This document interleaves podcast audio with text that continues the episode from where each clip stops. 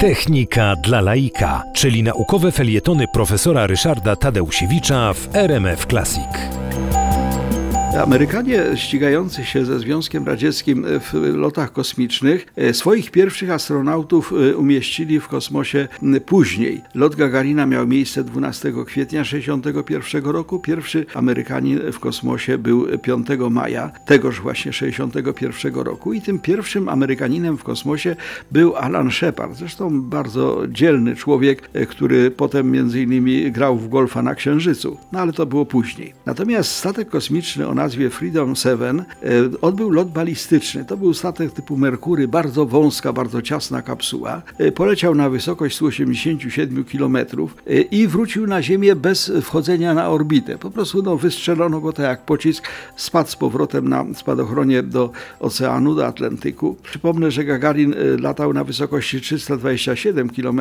Amerykanie tego swojego pierwszego astronautę wysłali na 187 km, więc rzeczywiście tutaj bardzo mocno ustępowali występowali. Ale y, Alan Shepard był traktowany w Stanach Zjednoczonych jako wielki bohater, no bo y, Amerykanie tego potrzebowali. Po prostu koniecznie chcieli zaakcentować, że oni przecież też mają swojego astronautę. Entuzjazm y, był ogromny. To wszystko bardzo mocno przeżywał Gus Grissom. Virgil Grissom, który no, dla przyjaciół Gus, e, który miał strasznie ambitną żonę. Jego to po prostu skręcało. On był dublerem, mógł polecieć jako ten pierwszy, niestety poleciał Alan Shepard. No więc w związku z tym Virgil Grissom no, z ogromnym napięciem czekał na to, kiedy on wreszcie poleci i będzie też fetowany, no bo przecież będzie też bohaterem. No nadeszło to 21 lipca 1900 1961 roku. Statek kosmiczny, który Grissom nazwał Liberty Bell 7, one zawsze się nazywały 7 ze względu na to, że siedmiu było tych e, astronautów w programie Merkury. Liberty Bell 7 e, poleciał też w kosmos, właściwie w gruncie rzeczy tak samo jak e, statek Sheparda, ale był, były pewne różnice, mianowicie Alan Shepard oglądał Ziemię no, bardzo przez maleńkie iluminatory i przez peryskop, właściwie nic nie widział. Grissomowi zabudowano, wsadziono do jego kapsuły bardzo duże okno, więc oglądał ziemię, zachwycał się, opowiadał. Właściwie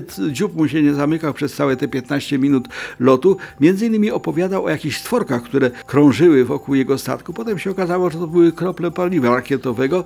Grissom y, wylądował, po 15 minutach wpadł sobie powiedzmy do oceanu i tu się niestety zaczął dramat.